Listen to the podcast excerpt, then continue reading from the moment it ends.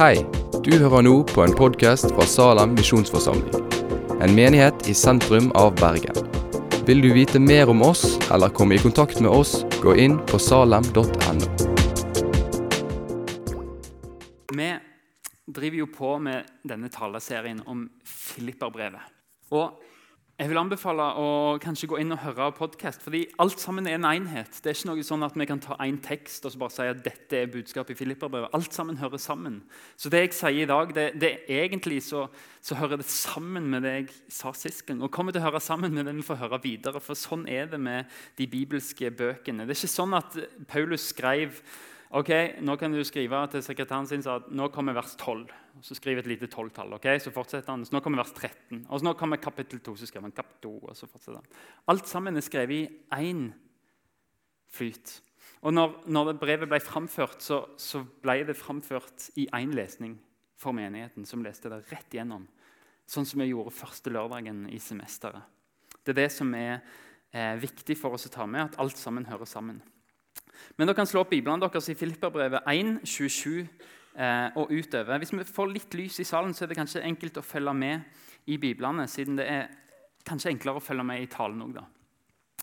Um, men menigheten i Filippi er trua av motstand utenfra. Det er folk som er kristne, og så er det folk som egentlig rakker ned på kristne i Lille-Asia på den tida der at hvis du var kristen, så var det ikke alltid at du fikk lov til å ha en butikk på torget. Og sånn var det. at Du, du, var tjener, du var ikke med i keiserkulten. Du dyrka ikke keiseren som gud, og du ble utestengt fordi du ble sett på som utlending og rar. Og sånn var det. De ble sosialt forfulgt. Og Hvordan skal menigheten reagere da, de kristne? Hvordan skal de reagere når de blir møtt med motstand og ikke forståelse blir stempla som overtroiske? For det var det de gjorde. faktisk. Folk tilbar keiseren som gud, men de kristne sa dere er overtroiske. Og Vi lever litt i det samme i 2018. Vi blir sett på som litt overtroiske. Fordi vi tror på noe som ikke kan forklares. Vi tror på noe som ikke kan erfares vitenskapelig i et reagensrør. Og så blir vi sett på som overtroiske. Hvordan skal vi reagere? Paulus skriver i, første, i Filipperbrevet 1, 27-30.: Se bare til skal vi se om vi får det opp her. Se bare til at dere fører et liv som er Kristi evangelium verdig Enten jeg kommer og ser dere, eller er borte, så la meg få høre at dere står sammen i én ånd, kjemper med ett sinn for troen på evangeliet, og ikke på noen måte lar dere skremme av motstanderne. Dette er et tegn fra Gud, et tegn som varsler fortapelse for dem, men frelse for dere. For Kristi skyld fikk dere den nåde, ikke bare tro på han, men også å lide for ham. Dere står i den samme kampen som dere før har sett meg kjempe, og nå hører dere at jeg fremdeles står i den det Paulus sier at Når dere møter motstand utenfra, så er det tre, tre ting jeg vil dere tenke på. For det første, Når folk ser på dere som overtroiske, når de stenger dere ute fra sosiale settinger, så vit tre ting. Nummer én, vi er utlendinger her på jord. Nummer to, bygg enhet. Nummer tre, se på det store bildet. Hvis vi begynner med det første Vi er utlendinger her på jord. Vi er fremmede.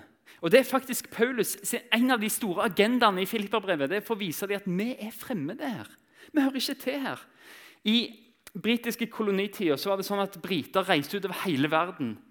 Og det de gjorde, det var å starte kolonier og hadde administrasjon og alt mulig sånne ting, og passe på råvarene. Men men de levde, det var utrolig viktig for dem å leve britisk. Midt i tjukkeste Afrika så satt de der med kakebukser, hvite tennissokker, sandaler. De drakk te og spiste kjeks midt på dagen. De skulle være erkebritiske tvers igjennom. De skulle kle seg britisk, de skulle snakke britisk, de skulle bruke britiske titler.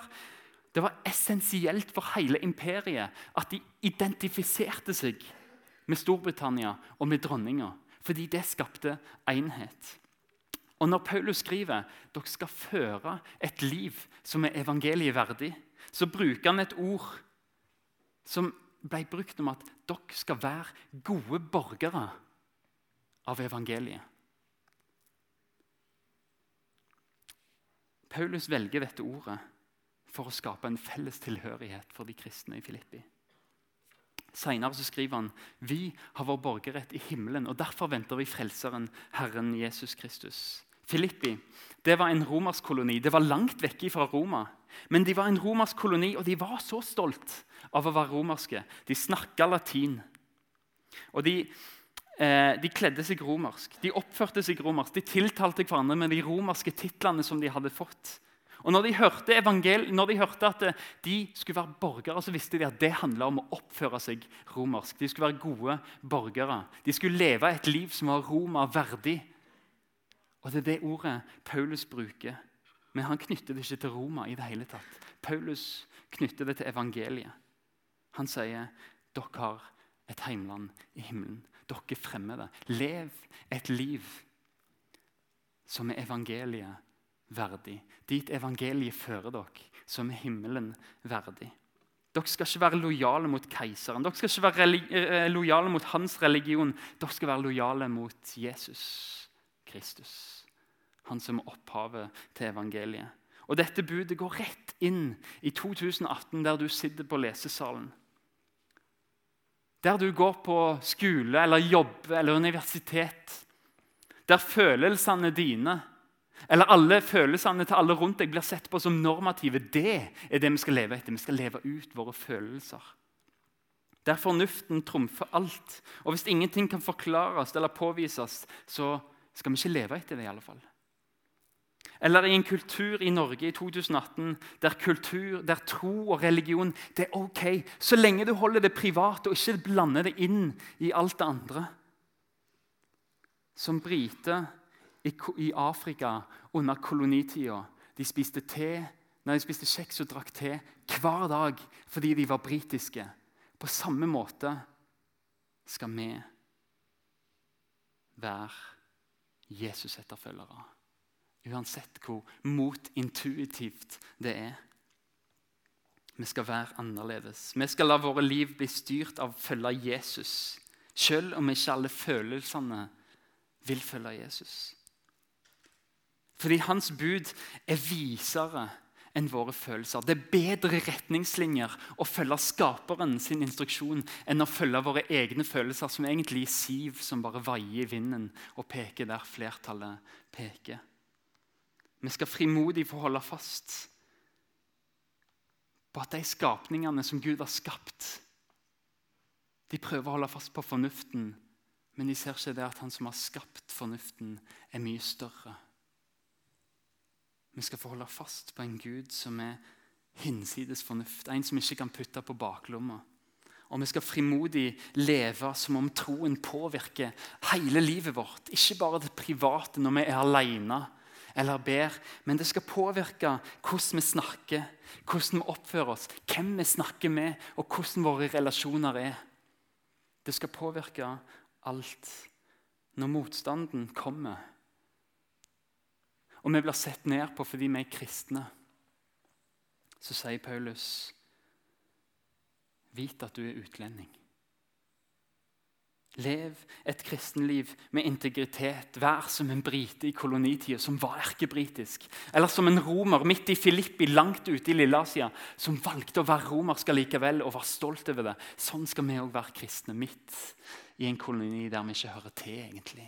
Fordi vi hører egentlig hjemme hos en annen. Han som har startet å forvandle oss til å danne oss mer lik han. Det er der vi hører hjemme. Og det er sånn vil Paulus at vi skal leve når vi møter motstand. Og Hvordan makter vi det, da? Jo, med enhet. Vi må bygge enhet. Fordi vi greier ikke dette alene. I en verden der det er vanskelig å leve som kristen fordi en blir sett på som rett og slett dum, så er det viktig for kristne å stå sammen. Stå sammen i én ånd og kjempe med ett sinn for troen på evangeliet, og ikke la oss skremme. Hvordan bygger vi den enheten, da? Paulus kommer til det litt seinere, men, men, i mellomtida kan det være bra for oss å snakke varmt om ting som bygger enhet i menigheten. Smågruppene våre. Det er en perfekt plass å få snakke om det er så vanskelig å være kristen på skolen.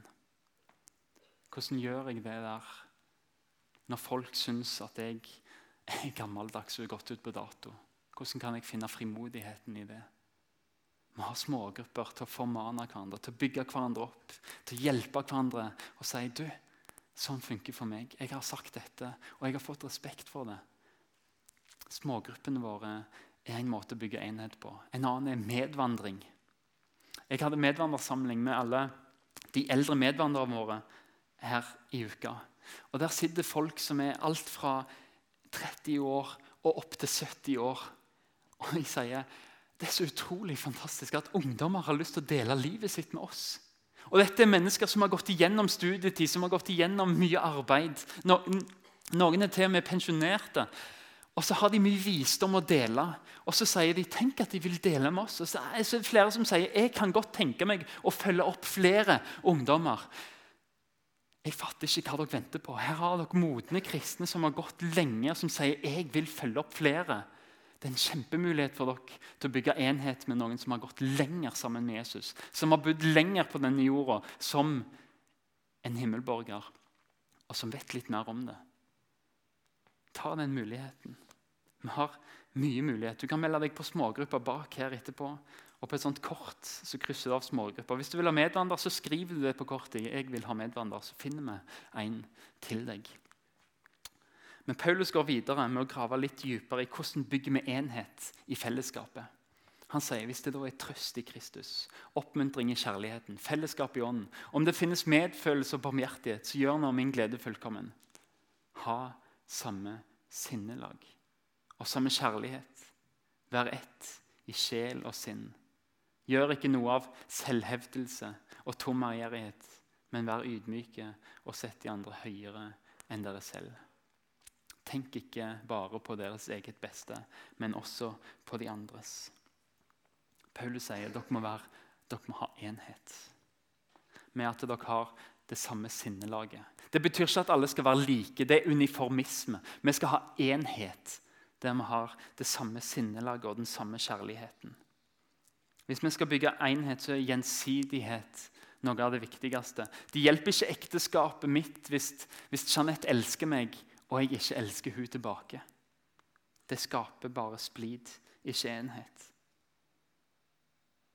Sånn er det òg med menigheten. Vi må gjengjelde kjærligheten. Det å være i menighet handler ikke om å bare komme og få og få og få og ta og ta og ta. Vi må òg gi. Det er sånn enhet skapes. Ikke gjør noe av selvhevdelse og tom ærgjerrighet, men vær ydmyke. Sett de andre høyere enn dere sjøl. I en sånn menighet vil mange diskusjoner forsvinne. Fordi kjærligheten overvinner vi og sier nei, ikke sånn som jeg vil. Vi gjør det sånn som du vil. Hvis du får noe ut av det, så gjør vi det. Der kjærligheten får regjere, der forsvinner kranglene. Og Paulus følger opp. Jeg skulle snakke lenge om dette, men vi har begrensa med tid.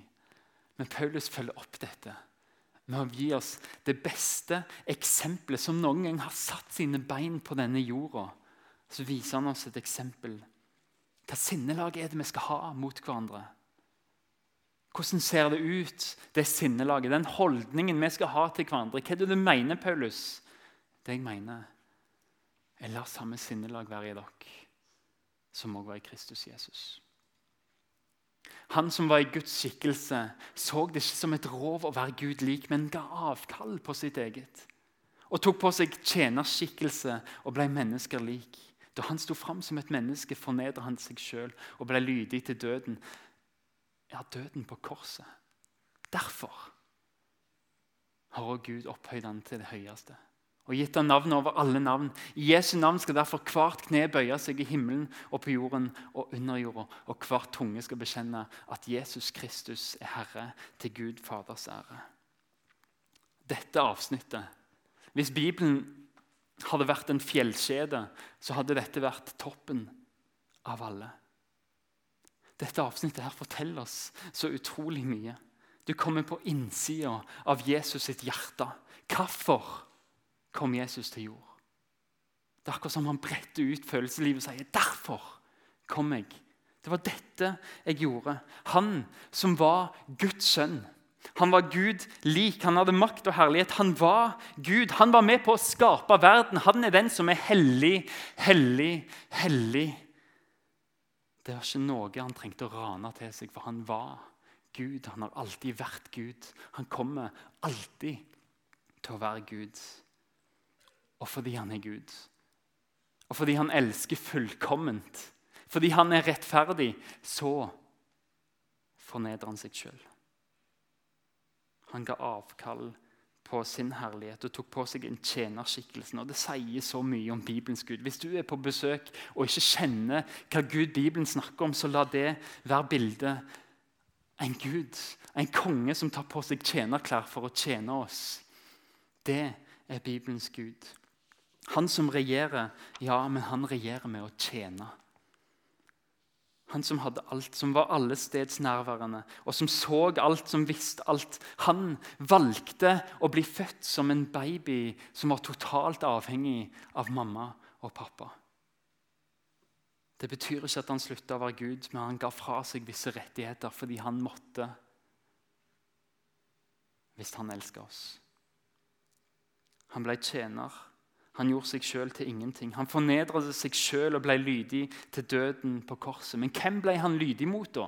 Hvem var det som sendte Jesus og sa du må dø på et kors? Hvem var det han var lydig mot? Det var mot Gud, far, som sendte han for å være et offer.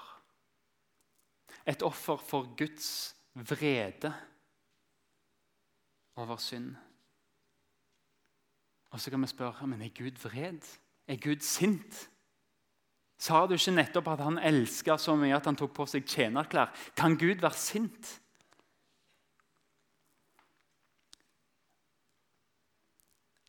Ja. Og det skal vi takke Gud for at han kan være. Det er en av de viktigste egenskapene som Gud har. For hver eneste voldsepisode.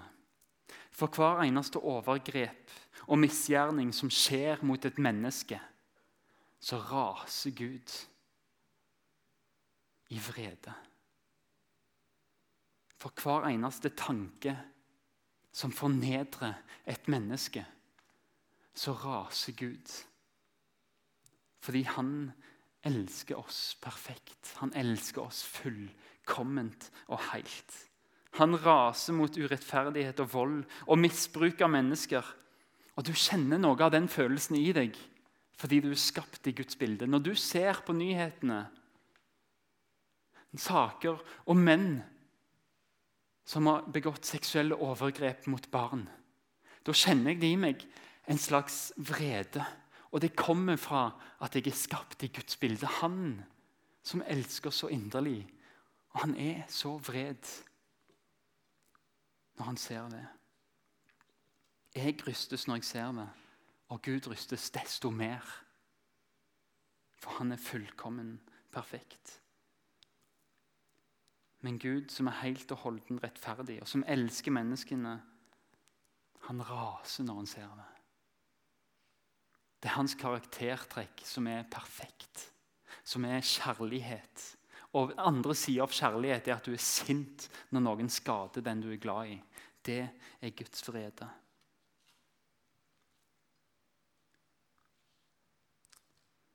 Jesus sendes til jorda for å ta på seg denne vreden, for å bli hengt på et kors, drept og torturert og forlatt for å dø. Og Vi kan godt si at romerne hengte ham på korset. Det stemmer på en måte, men allikevel ikke. Vi kan si at jødene hengte ham på korset. Det stemmer heller ikke helt. Det var Gud som hengte ham på det korset. Det var Gud sjøl som sendte sin egen sønn for å ta på seg Guds vrede over våre synder, over våre feil, over det vi gjør mot andre mennesker og mot Gud. Sånn er Gud god, fordi han straffer all ondskap. Sånn er Gud kjærlig, fordi han tar den straffen på seg sjøl og lar oss unnslippe pga. Jesus som kom og tok straff for oss. Det er rettferdighet, det er kjærlighet. Det er der de møtes. Du kan ikke ha en Gud som er kjærlig og rettferdig uten korset. Der ser vi at synd må straffes, at Gud elsker oss. Han sender sin egen sønn for å ta den straffen. Evangeliet er at han bytter plass. Han tar vårt kors. Men han tar ikke bare din plass, han gir deg òg sin plass. Det er sånn vi har blitt borgere av himmelen. Det er sånn vi har blitt himmelborgere. At vi har fått hans plass, Guds sønns plass. Med glede skal dere takke Far, som satte dere i stand til å få del i de helliges arv i lyset. For han har fridd oss ut av mørkets makt og ført oss over i sin elskede sønns rike. I ham er vi kjøpt fri og har fått tilgivelse for syndene. Og Paulus forteller med å fortelle om konsekvensen av Jesu lydighet. Derfor har også Gud opphøyd ham til det høyeste og gitt ham navnet over alle navn. Og Så kommer to av de skumleste versene jeg noensinne leser i Bibelen. Fordi dette er så djupt alvor for oss som er kristne, og for alle andre. I Jesu navn skal derfor hvert kne bøye seg i himmelen og på jorda og under jorda, og hver tunge skal bekjenne at Jesus Kristus er Herre, til Gud Faders ære. Legg merke til at det står at alle skal bøye kne og bekjenne at Jesus er Herre. Ikke de kristne, men alle. I himmelen, på jorden, under jorden. Alt Gud har skapt, skal bøye og bekjenne at Jesus er konge. Aha, sier noen. Dette betyr at absolutt alle mennesker blir frelst. Alle skal bøye kne for Jesus som konge.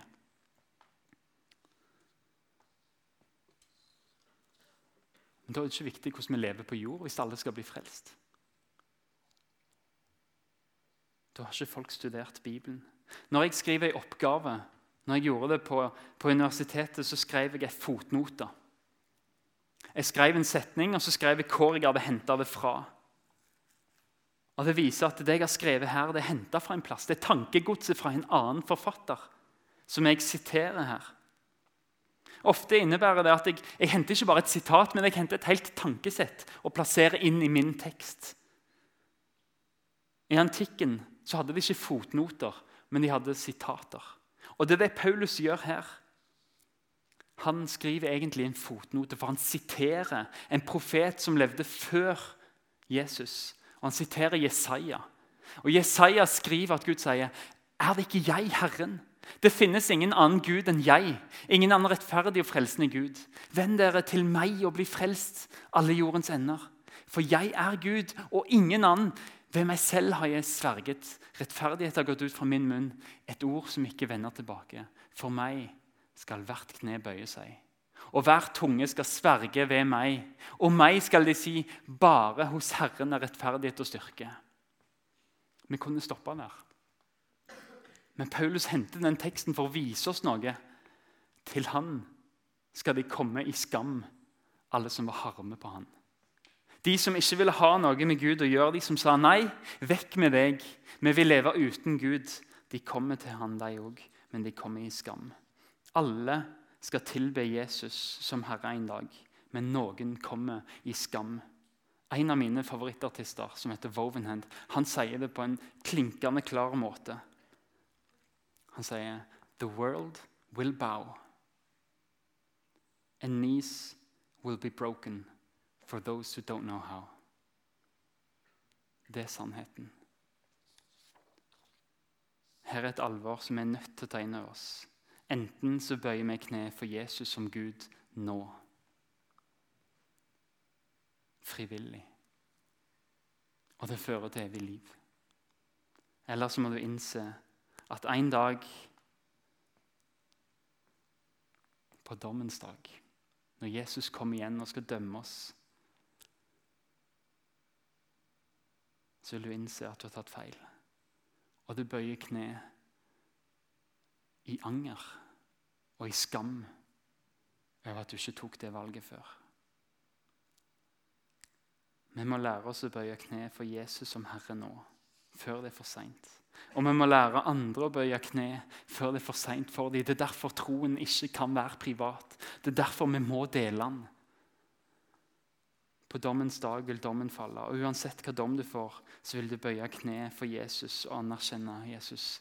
Din dom er rettferdig. Enten fordi du bøyde kne i takknemlighet og tok imot hans straff for dine synder, sånn at du fikk hans liv. Eller du bøyer kne i anger og sier, 'Jesus, jeg tok ikke imot din død for meg. Jeg må bære straffen sjøl. Det er Bibelens budskap om den siste dagen. Du kan bøye kne i dag. At du kan bli løfta fra dødens rike og inn i livets rike, sånn som Paulus skriver.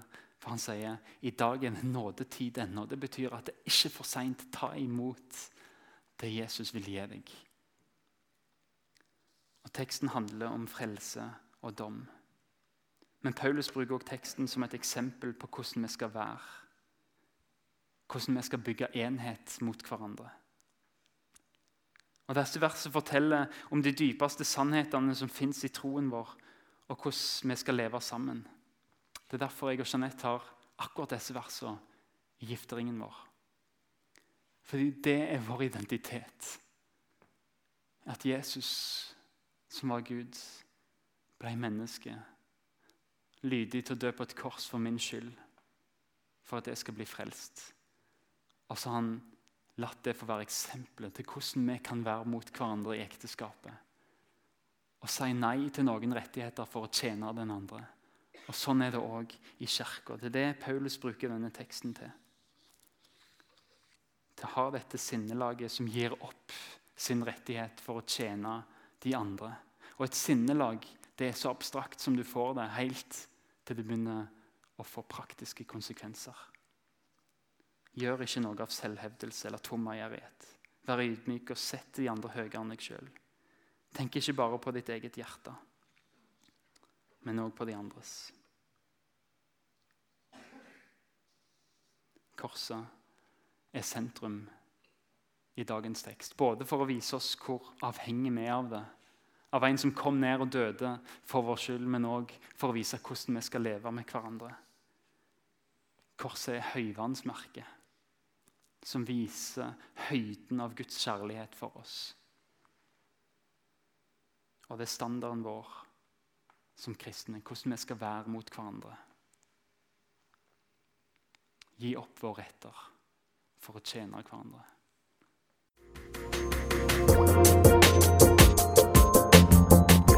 Takk for at du har hørt på podkasten fra Salem, Bergen. I Salem vil vi vokse i et stadig dypere fellesskap med Gud og med hverandre. Vi vil være Jesu hender og føtter, og vi vil være med og forkynne frelse for Bergen og resten av verden. Besøk oss gjerne på salem.no om du vil vite mer.